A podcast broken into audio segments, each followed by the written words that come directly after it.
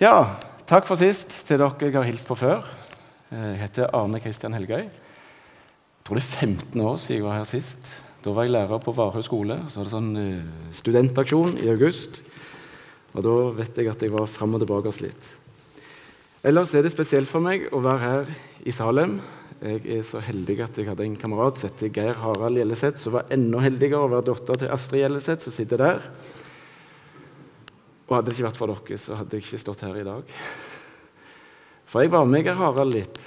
Her på ungdomslaget nede, barnelag, var det først. Glemmer aldri en gang. 'Ja, vi skal på sånn uh, juletrefest. Bli med, du òg.' Og så dilta jeg inn her. Jeg hadde hverdagsklærne på meg, de andre var i finklærne. Det glemmer jeg aldri. Og så var vi her eh, en god del. Men kristendom det var ikke noe for meg. Jeg syntes det var litt kjedelig lese i den der kjedelige boka og alt det der. Gå på sånne trøtte, kjedelige møter. Og så har jeg fortalt det mange ganger. Eh, men på underlig vis så begynte jeg på Lundaneset. Fikk eh, begynne å åpne Bibelen min, så jeg fikk til konfirmasjonen min. Hadde ikke åpna den så mye før. Eh, men så begynte jeg på Lundeneset, og så var det å finne fram igjen Bibelen, gå på møte. Og så er det underlig når du begynner å merke noe inni deg, og så begynner ordene å bli forklart, så forstår du det. Og så det kjekkeste og beste i livet, det var å gå på møter og lese i den kjedelige Bibelen, som ikke var kjedelig lenger. Og så føler du deg som verdens største tulling som måtte bli 18 år før du sa ja til Jesus. Så jeg følte at livet mitt det begynte da. Det var ikke jeg som lagde den, men det går fint. Eh, så jeg har, jeg har, mye å takke for. Eh, og det har jeg tro på. Det med å treffe folk i hverdagen. At andre kan bli nysgjerrige på deg og det livet du lever. Det var egentlig det som førte meg til Jesus. Eh, så det må vi ikke se smått på. Hvis du har kommet i dag for å høre meg lese søndagens tekst, så eh, må jeg skuffe deg. Jeg skal komme litt inn på det. Eh, vi er i treenighetssøndagen ennå, og vi skal komme inn på det i alle fall. Eh, jeg vet ikke om du har fått opp eh, den første sliden. Vi skal komme inn på det som står i Lukas 6,46, litt uti her. Men før det så skal vi ta og be sammen. Takk, kjære Jesus, at jeg får legge denne stunden i dine hender. Og jeg trenger å be om at du må gi oss det vi trenger til når vi skal samles om ditt ord. Ber om at vi kunne få et møte med deg, og det klarer ikke vi å få til alene. For uten deg så kan vi ikke gjøre noe. Så ber jeg om at Din Hellige Ånd må være her, forklare ordet for oss, sånn at du kan bli herliggjort for oss. At vi må få se hvorfor du fortsatt har oss her på denne jord. Hjelp oss du å se hva vi eier i deg, og hva du vil med veien framfor oss. Takk at vi får legge denne stunden i dine hender. Amen. Jeg syns det var fint Jonny, at du kom inn på eh, at du leste det som sto i Åpenbaringer 19 og vers 7. Jeg kan jo begynne litt med den. Der står det at vi skal glede oss og fryde oss, for lammets bryllup er kommet, og hans brud har gjort seg rede. Når jeg fikk se dette for første gang, og jeg husker jo historien fra barnebibelen min om han er kongen som gjorde i stand til bryllup, og så var det ingen som ville komme. Til slutt så er bryllupssalen full, og så sitter det en der som ikke har like fine klær som de andre. Og Så ser jeg jo at kongen går bort til han, snakker med han, og så sier han til slutt til tjenerne sine ja, ta hiv han ut forbi. Og Jeg syns det var en frekke konge. Tenk å hive ut en bare for han ikke hadde så fine klær som de andre. For en stygge konge. Så går jeg på møter på bibelskole, og så forstår jeg jo at denne kongen er et forbilde på Gud. Er Gud frekke? Er Gud stygge? Og så fikk jeg forståelsen av dette her. At når en konge på denne tida gjorde i stand et bryllup, så var det ikke sånn som du og jeg blir invitert i dag. Men da gikk han til hovmesteren sin og ba han om å gjøre i stand til bryllup. Han gikk til skredderen sin, til kokken sin. Det gjør de i dag òg, å gå til kokken. Slakta gjøkalven, det flotteste de hadde. Men i tillegg så gikk han til skredderen sin Og Hvis Kåre Eidsvåg var invitert til dette bryllupet, så hadde kongen gjort i stand en drakt til deg, Kåre. Og så sto det navnet. Denne her drakta skal Kåre ha på seg. Så kunne du egentlig bare komme sånn som du var, ta av deg dine klær, kle på deg den drakten som kongen hadde gjort i stand for deg. Så alle i dette bryllupet de fikk egentlig en bryllupsdrakt som var tilegnet de. Og nå kan du se for deg bildet. Hele bryllupssalen er fylt.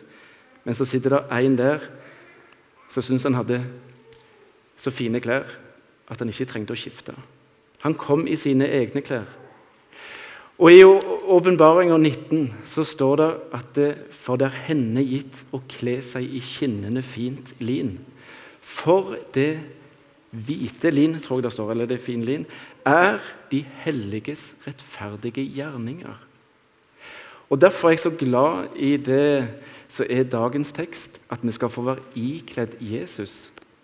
Og I Romane 14 så står det at det, når, vi, når, vi, tar imot Jesus, så blir vi ikledd Han. Altså vi er ikledd det Jesus har gjort. Tenk så flott du på den siste dagen.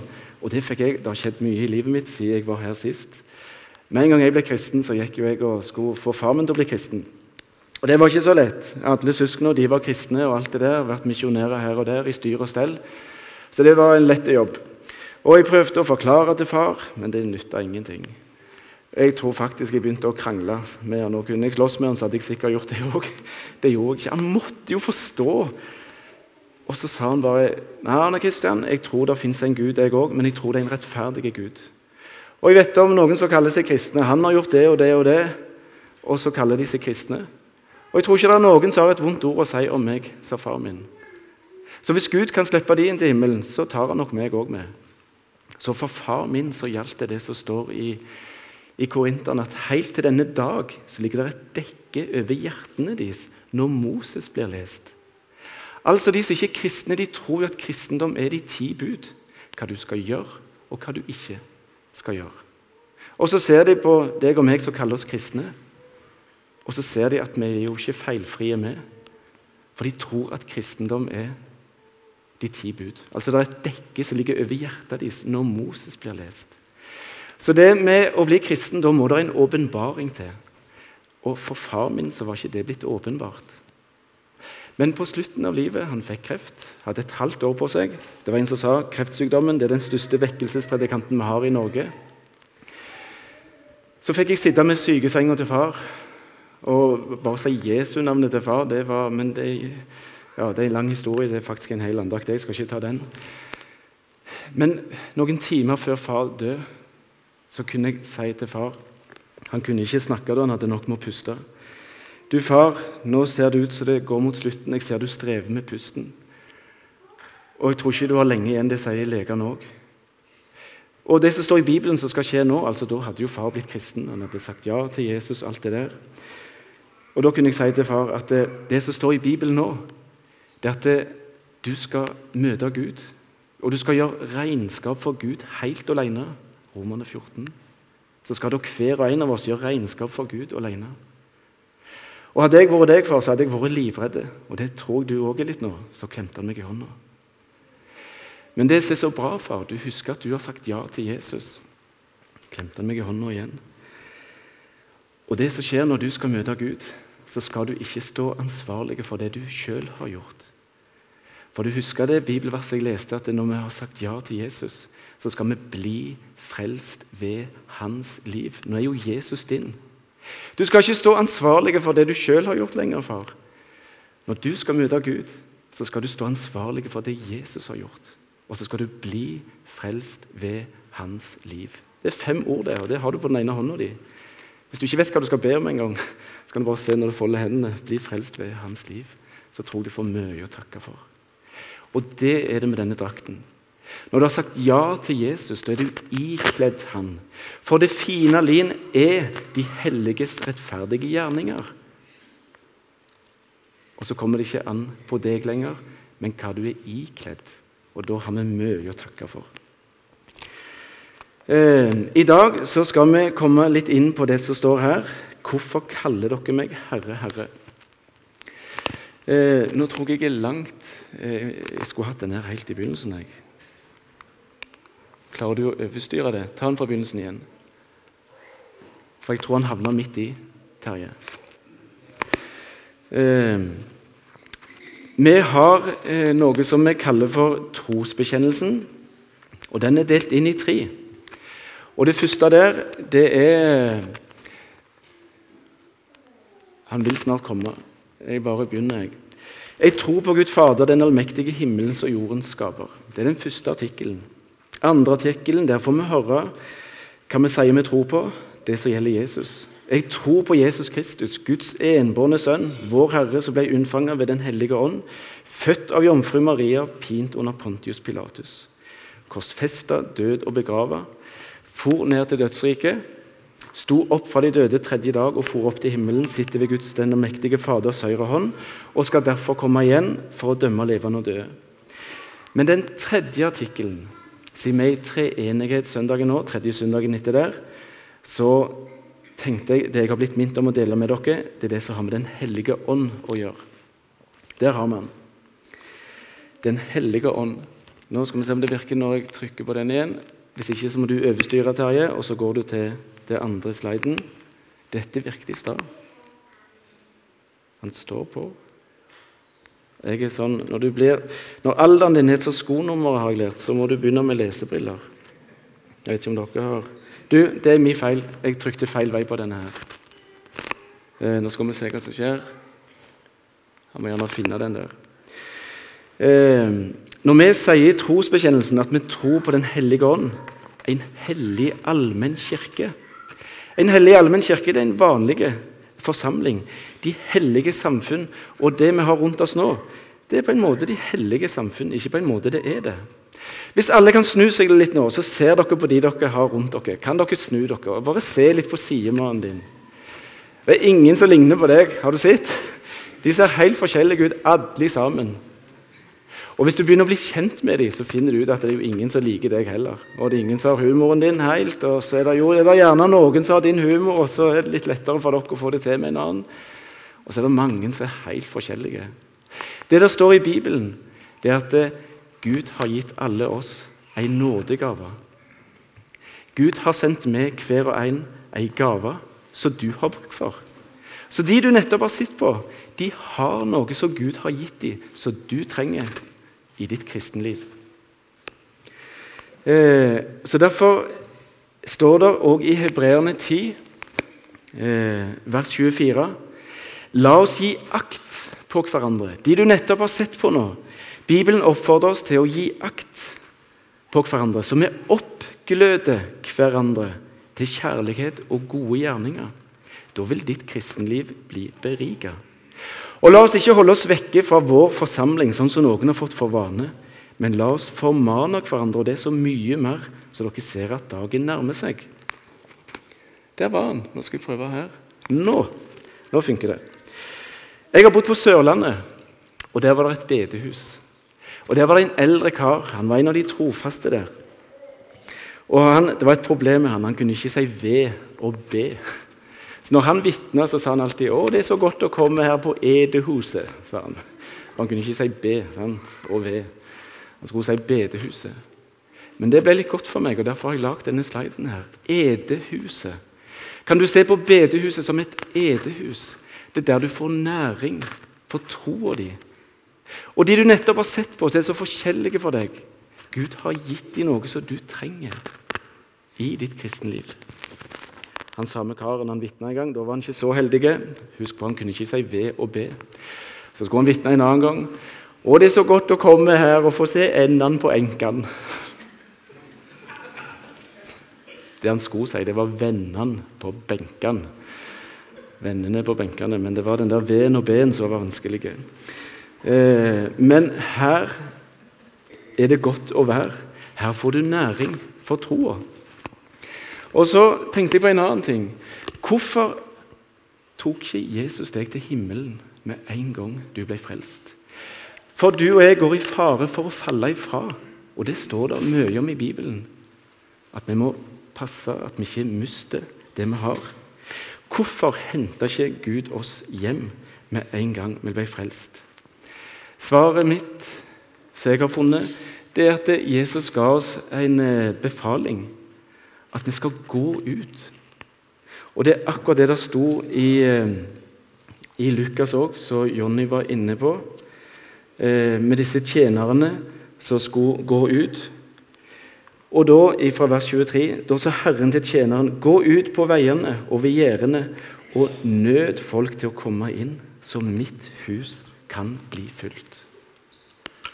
Derfor har ikke Gud tatt deg til himmelen. Selv om du går i, det kan være om et halvt år, så er ikke du her lenger. Det kan være du sier at du ikke kaller deg kristen lenger om et halvt år. Det vet vi ikke. Det er en fare du og jeg går i. Vi er med i et løp, og vi må sørge for å vinne det løpet, står det i Bibelen. Og så står det at vi skal blikket festet på troens opphavsmann. Det er én grunn for at Gud ennå ikke har tatt deg til himmelen. Det er for at du har noen i din omgangskrets som trenger å gjøre erfaringer med Guds kjærlighet. Tenk om de kunne bli litt nysgjerrige på det livet du lever. Og så er det min erfaring at når vi er de holdt på å si, beste vitnene for Gud, da svarer vi bare på det de ikke-kristne lurer på når de spør oss. Det er så mye bedre den veien enn om at vi skal gå og konfirmere andre. Hvem liker å bli opplært? Det er sånn ovent og ned-forhold kan virke det. Det er så mye bedre når de kommer med spørsmåla for de har blitt nysgjerrige. Henger du med? Du og jeg, vi skal gå ut. Vi skal leve livet vårt. Derfor et liv i Ånden. Vi sier jo at vi tror på en hellig allmenn kirke. Tror på Den hellige ånd. Hva er et liv i Ånden? Det tror jeg mange er litt redde for, for vi vil jo ikke bli sånne svermere. Og Det er jo til og med noen sier halleluja og amen hver gang noen står framme her og taler. Nei, vi vil ikke bli noen sånne. Og så skal vi gå rundt og sverme farer her og der, og så er det alltid noe nytt på den åndelige fronten som det går an å bli begeistra for. Nei, det vil vi ikke. Men det er ikke det Bibelen sier at vi skal. Et liv i ånden. Dattera mi bor i Oslo. Hun var på et møte en gang. Og Da hørte hun ei som sa på det bedehuset der jeg vokste opp, der fikk jeg høre om Gud, Jesus og Den hemmelige ånd. Er det sånn det er? Hva virkning er det Den hellige ånd skal gjøre? Nei, Det vet vi ikke helt. Det er litt skummelt. Derfor forkynner vi ikke om det. Vi har ikke fokus på det. Jesus sa i Johannes 14, 18 at 'jeg skal ikke etterlate dere farløse, for jeg kommer til dere'. Det sa han før pinsen. Og Pinsen, som vi feirte for tre helger siden, det skulle minne oss om at Den hellige ånd kom. Før Den hellige ånd ble gitt til disiplene, så sa Jesus jeg skal ikke etterlate dere farløse. Jeg kommer til dere. Og treenigheten det er jo at Gud, Jesus og Den hellige ånd de er én. Og samtidig så er de tre. I apostelgjerningene 2, 14, 17 Langt vers. Peter sto fram sammen med de elleve, hevte røsta, og så talte han til de jødiske menn. Og alle dere som bor her i Jerusalem, dette må være kjent for dere, og lån øra nå til mine ord. For disse her er ikke drukne sånn som dere tror. Det er jo bare den tredje timen på dagen. Men dette er det som er sagt ved profeten Joel. For det skal skje i de siste dager, sier Gud. Da vil jeg utgyte av min ånd over alt kjød. Det er Den hellige ånd det er snakket om her. Den skal komme. Sønnene og døtrene deres skal tale profetiske ord. Og de unge mennene skal se syner, og de gamle blant dere skal ha drømmer. I Galaterne 5,16 så får vi høre at du og jeg vi skal vandre i Ånden. Så skal vi ikke lenger fullføre kjødets lyst, for det begjærer imot Ånden og Ånden mot kjødet. De står hverandre imot for at, de, for at dere ikke skal gjøre det dere vil. Når jeg gikk på fjelltun, så fikk jeg høre en forklaring på det. Det var akkurat som du hadde en slåsskamp inni deg sjøl. Det var akkurat som det var en svart og en hvit hund som slåss. Og så var det spørsmålet hvem er det som vinner av disse to.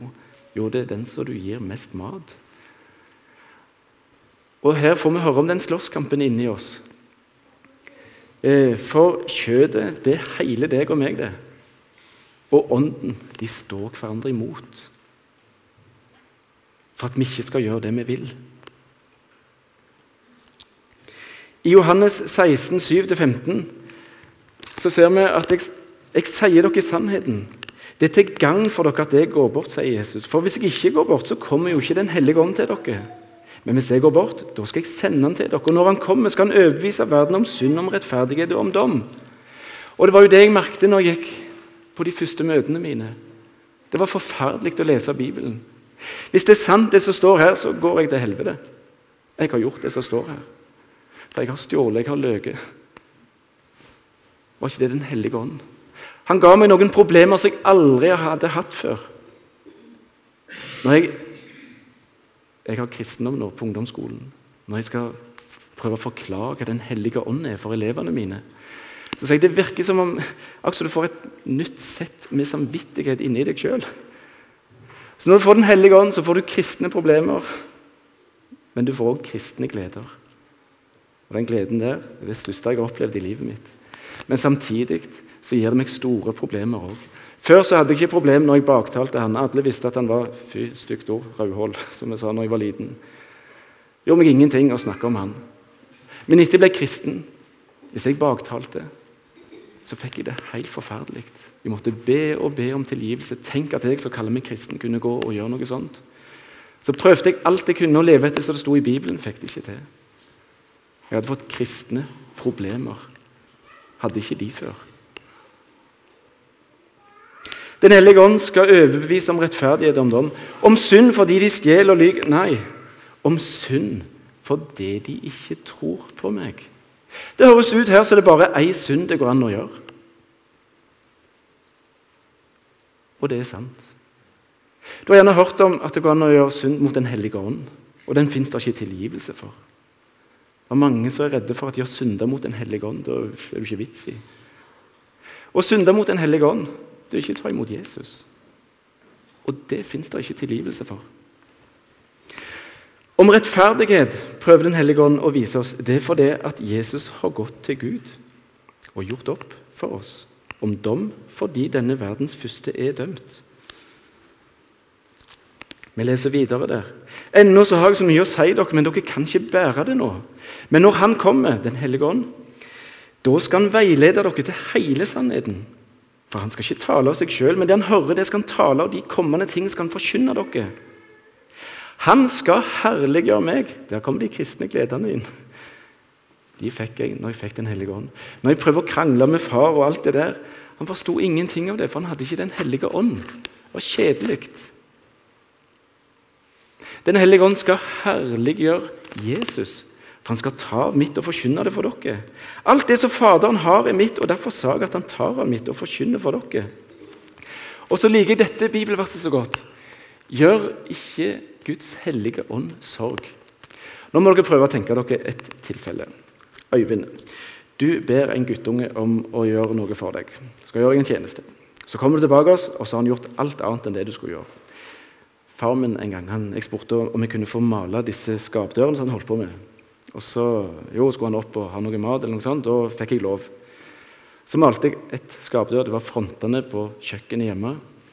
Så var det jo kjedelig å holde på med dette. her. Og Jeg hadde jo begynt på skolen og lært meg noen tall, så jeg skrev ett tall på den ene, og så to på skap nummer to, og så jeg, malte jeg tre. vet du. Syns jeg var riktig så flink. Og Så gikk jeg opp, og så kom far ned etter en stund. Malingen var tørka, og du kan tenke deg hva jeg fikk høre da. Se for deg, Øyvind, en guttunge skal gjøre en tjeneste for deg. Begge to og så Uka etterpå kommer det en annen som skal gjøre den samme tjenesten. Begge to gjorde den samme feilen mot deg, men du ble sint og skjelte ut den ene. Mens den andre ble du bare veldig lei deg. Hvorfor ble du ikke sint på begge to? Øyvind? Tenk deg, To gutter de skal gjøre den samme 'Kan jeg få hjelpe deg?' Ja, sier du, og så går du vekk. Begge to gjorde den samme tingen, men du ble sint på den ene mens ble du bare lei deg og skuffa av hverandre. Du har fått jernteppe, du. For han ene var du veldig glad i, og han ble du bare lei deg av når han gjorde det galne mot deg. For han var du så glad i. Han andre som du ikke hadde forhold til, han kunne du, 'Hva er det med deg?' Og så fikk han høre den der leksa. Når du og jeg gjør synd mot Den hellige ånd, så står det i Bibelen at vi skal ikke gjøre Den hellige ånds sorg. Det vitner om at du og jeg er elska av Den hellige ånd. Han som dere har fått som seil til forløsningens dag. Når jeg skal prøve å forklare hva Den hellige ånd er til elevene mine, så pleier jeg å si at Den hellige ånd er akkurat som ei lykt. Jeg har hørt om folk som ber om å få Den hellige ånd og få mer av han og alt det der. Jeg vet ikke hvordan det er når du har ei lykt eh, på sykkelen din, f.eks. Jørgen, har du sykla med lykt på sykkelen din noen gang? Om det er sånn at du sykler sånn Wow, se på lykta mi, så sykler du. Å, fytti, så bra! Er det sånn du gjør? Da går det gale. Den hellige ånd er akkurat ei lykt. Når du har ei lykt, så blir du ikke opptatt av lykta, men du blir opptatt av hva lykta viser. Hva kan lyse på, kan vise deg. Så Når du sykler med ei lykt på sykkelen, så bare sykler du. og Han holder deg på veien. Sånn er det med Den hellige ånd òg. Og det går ikke an å be om å få mer eller mindre av den. For enten så har du Den hellige ånd, eller så har du den ikke. Men du kan lage Eh, gode eller dårlige arbeidsforhold for Den hellige ånd i hjertet ditt. Og Da er vi tilbake til den der slåsskampen jeg snakket om i stad. Hvem er det som får mest mat? Men har du Den hellige ånd, så tenk på det som en lykt. Alle kristne har fått Den hellige ånd. Det står der i Efesene 1. I Han så har dere òg, når dere fikk høre sannhetens ord, evangeliet om frelsen deres Ja, i Han så har også dere altså, så har dere da dere kom til troa, fått til innseil Den hellige ånd. Så like sikkert som du er kristen, så har du Den hellige ånd. Og se hva det står i vers 14. Han som er pantet på vår arv inntil eiendomsfolket får løsning, til pris for Guds herlighet. Jeg vet ikke om du har panta flasker noen gang. Jeg har panta flasker når jeg ikke fikk nok penger til snop. Så var det bare å gå og pante noen flasker, og så visste jeg denne flaska her er like god som 50 øre eller ei krone. Jeg snakket med Jørn Sirevåg en gang. Han er banksjef, så han prøvde å forklare meg hva pant egentlig var. Jeg har glemt ut egentlig litt hva det var. Men om han hadde sittet her, så tror jeg han kunne vært med på at ei sånn tomflaske den er like god som 2,50. Når du har Den hellige ånd, så er det like godt som om du er i himmelen. Tenk på det. Neste gang du får dårlig samvittighet for et eller annet, du merker der, de, noen av de kristne problemene eller de kristne gledene, det er på en måte pantet på arven din. Gud er hjertet ditt. Den hellige ånd, han er der.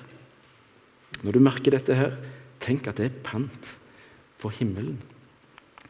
I Roman 8, 16 så står det at det, Ånden sjøl vitner sammen med vår ånd at vi er Guds barn. Du har bare en sånn en indre bevisning. Du kan si at like sikker så Bibelen er sann, så kommer jeg til himmelen om Jesus kommer igjen, eller om at hjertet mitt slutter å slå i natt. For du har jo Den hellige ånd. Det er frelsesvisshet. I Johannes 14, 26, talsmann Den hellige ånd, som Faderen skal sende i navnet mitt, han skal lære dere alle ting og minne dere om alt jeg har sagt dere. Det med å minne. Ennå har jeg mye jeg skulle sagt dere, men, men, dere kan ikke ta imot det nå. Det skal Den hellige ånd gjøre. Den hellige ånd har vi fått. Og du må ikke være så dum at du bare avviser alt det Den hellige ånd prøver å minne deg om. For det har jeg inntrykk av at mange kristne gjør. Nei, Det står ikke noe i Bibelen om dette her. Og så går de videre. Når de fører dere fram og utleverer dere, så må du ikke på forhånd være bekymra for hva du skal si. Nei, Det skal bli gitt deg i samme stund. Når Gud minner deg om noe, så må du bare gjøre det. Ofte så gir ikke Gud spikeren før du har begynt å svinge hammeren. Er du med?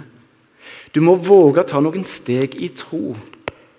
Og det er ubehagelig å være i sånne situasjoner. Da ber jeg til Jesus hele veien. For jeg vet jeg har ingenting. Og så har jeg opplevd at Gud har vært der før meg mange ganger. Derfor liker jeg det der. Ofte gir ikke Gud spikeren før det har begynt å svinge hammeren. Når vi går æren for Gud, så skal vi ikke være bekymra, for det kommer til å komme. Du og jeg er så opptatt av å sikre oss. Jeg vil spørre deg et direkte spørsmål. Våger du å dumme deg ut i Jesu navn? Tenk litt på det. Når var siste gang det kosta deg noe å gå æren for Jesus. I pedagogikken så sier vi at hvis det skal skje utvikling, så må du våge å ta noen steg i tro. Du må våge å prøve ut et pedagogisk opplegg. Det kan være du feiler, men det er ikke farlig. Da lærer du i hvert fall noe der. Det skjer utvikling hvis du våger å miste fotfestet for en stund. Altså ta noen steg i tro, tenker jeg da.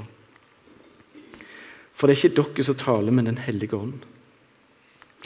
Og til og med når du på det siste Jeg har hørt om folk som har vært så syke at de visste ikke engang hva de skulle be om. Roman 8, 26. Der står det at eh, Den hellige ånd kommer og hjelper oss i sånne situasjoner òg. For vi vet jo ikke hva vi skal be om, sånn som vi burde, men Den hellige ånd i hjertet ditt går sjøl i forbønn for oss med sukk som ikke rommes i ord. Se litt på dette her. Vil du si at du er en som drives av Den hellige ånd? For det er det som er Guds barn. De som drives av Guds ånd. Så vi skal ikke avvise alt dette livet i ånden med at nei, vi vil ikke bli sånne svermere. Så vi holder oss vekke ifra det. Når det står i Bibelen at hvis du ikke blir dreven av Guds ånd, så er du ikke Guds barn.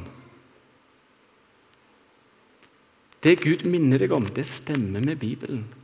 Og Hvis du er blitt minnet om å gjøre noe som du ikke vet kommer fra Gud eller deg sjøl, da håper jeg du har noen andre kristne du kan snakke med. Og så kan dere be over det. Det har jeg opplevd mange ganger. Det er godt å ha noen sånne å snakke med. Hva har Gud minnet deg om den siste uka? Kristoffer Inge? Tenk hvis man kan begynne å snakke sånn. Nei, nei jeg fikk en syk tanke at jeg skulle gjøre et Tenk om det var det. Tenk om det var fra Gud. Og så går du bare, altså Da trenger du noen å snakke med. Og så kan vi be om det. Vi vil ikke bli noen svermere, men vi vil heller ikke være ulydige med Romerne 8 og 14.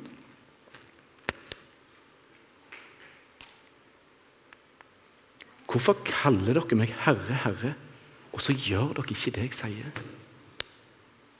Det er Jesu sine ord til deg i dag. For han har ikke etterlatt deg farløse. Og du lever pga. én ting, at ennå er det noen som du er i kontakt med, som trenger Guds omsorg. Men Jesus går ikke fysisk på jorda sånn som han gjorde en gang. Men han har deg som går fysisk på jorda. Du har øyne, ører, alt du trenger. Gud har deg til å vise sin omsorg til de som trenger det.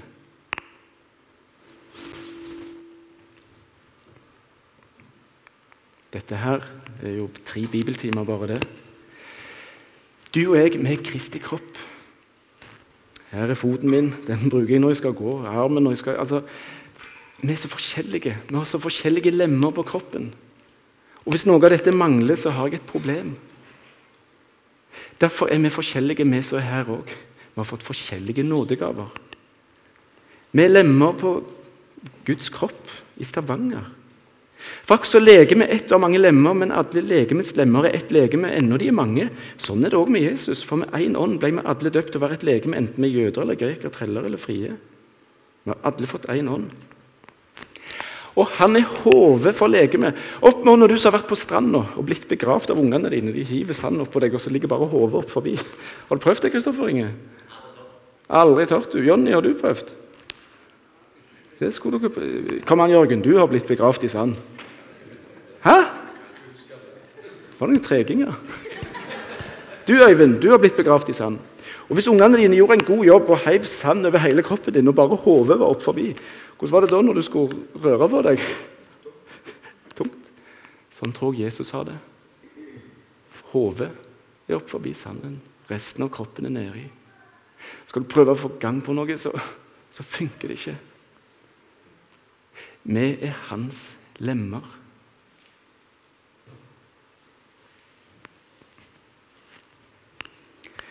Fra Han er det jo legemet vokser. Det mener jeg at vi skal bli flere her. Det mener jeg at vi, dette rommet skal bli så lite at vi må ha mange møter etter hverandre. Det mener jeg at vi skal vokse, folkens. Men vi vokser ikke når vi ikke lyer. Det kan ikke skje noe da. Kroppen er ikke lagd for å ligge i ro. Kroppen min er til for å gjøre noe. Gå. Jesus trenger noen armer, noen føtter, noen øyne, noen ører.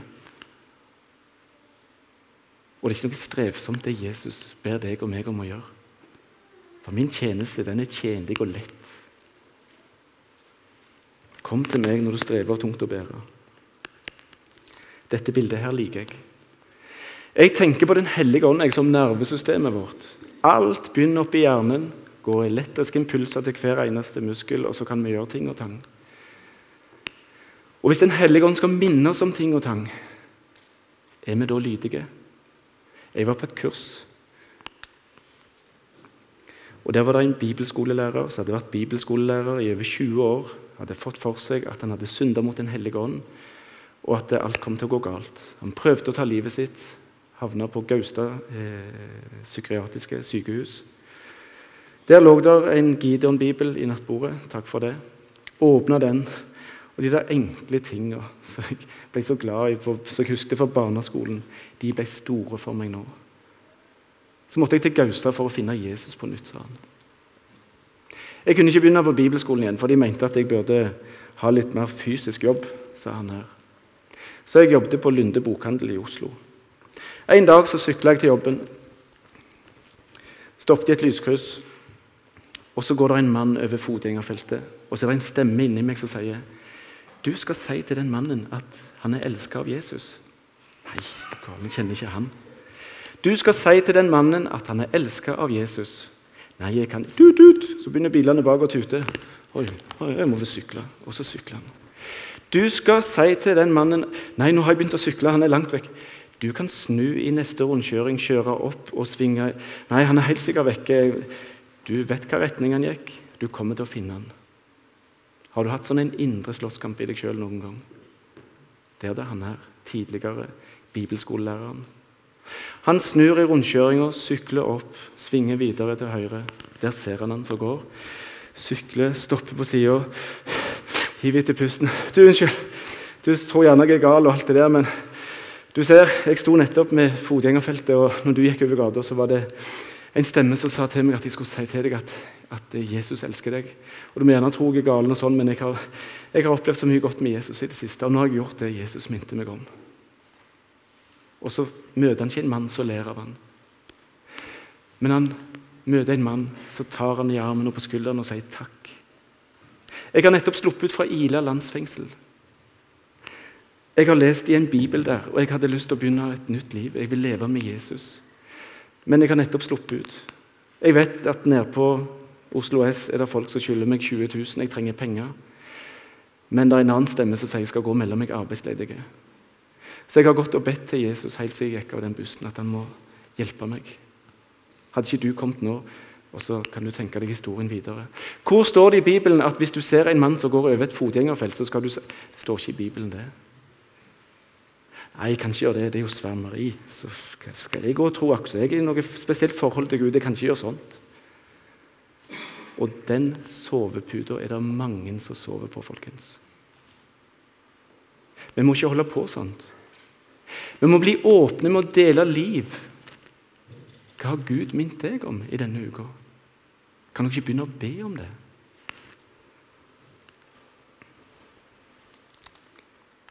Du òg skal vitne. Dere skal gi dem mat. Om nødvendig, bruk ord, sa Augustin.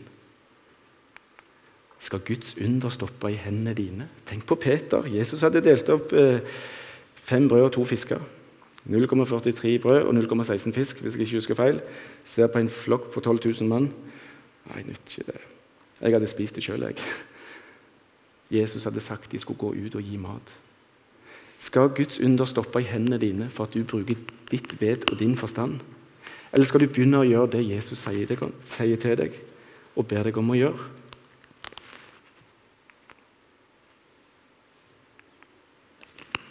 Dette er siste sliden. Jeg har et motto at jeg vil prøve å leve livet mitt sånn at de jeg kjenner som ikke er kristne, at de får lyst til å bli kjent med Jesus. Og beste måten jeg vet å vitne på, det å svare på det vi spør om.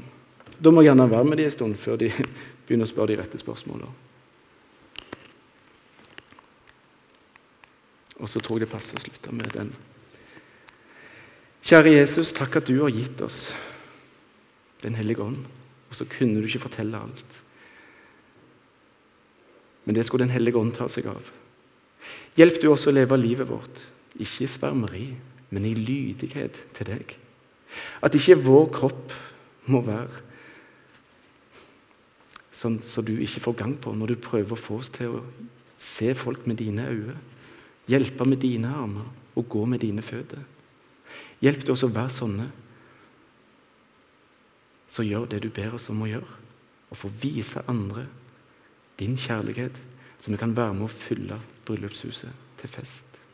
Må du velsigne hver eneste en her og lede oss videre i dine ferdiglagte gjerninger.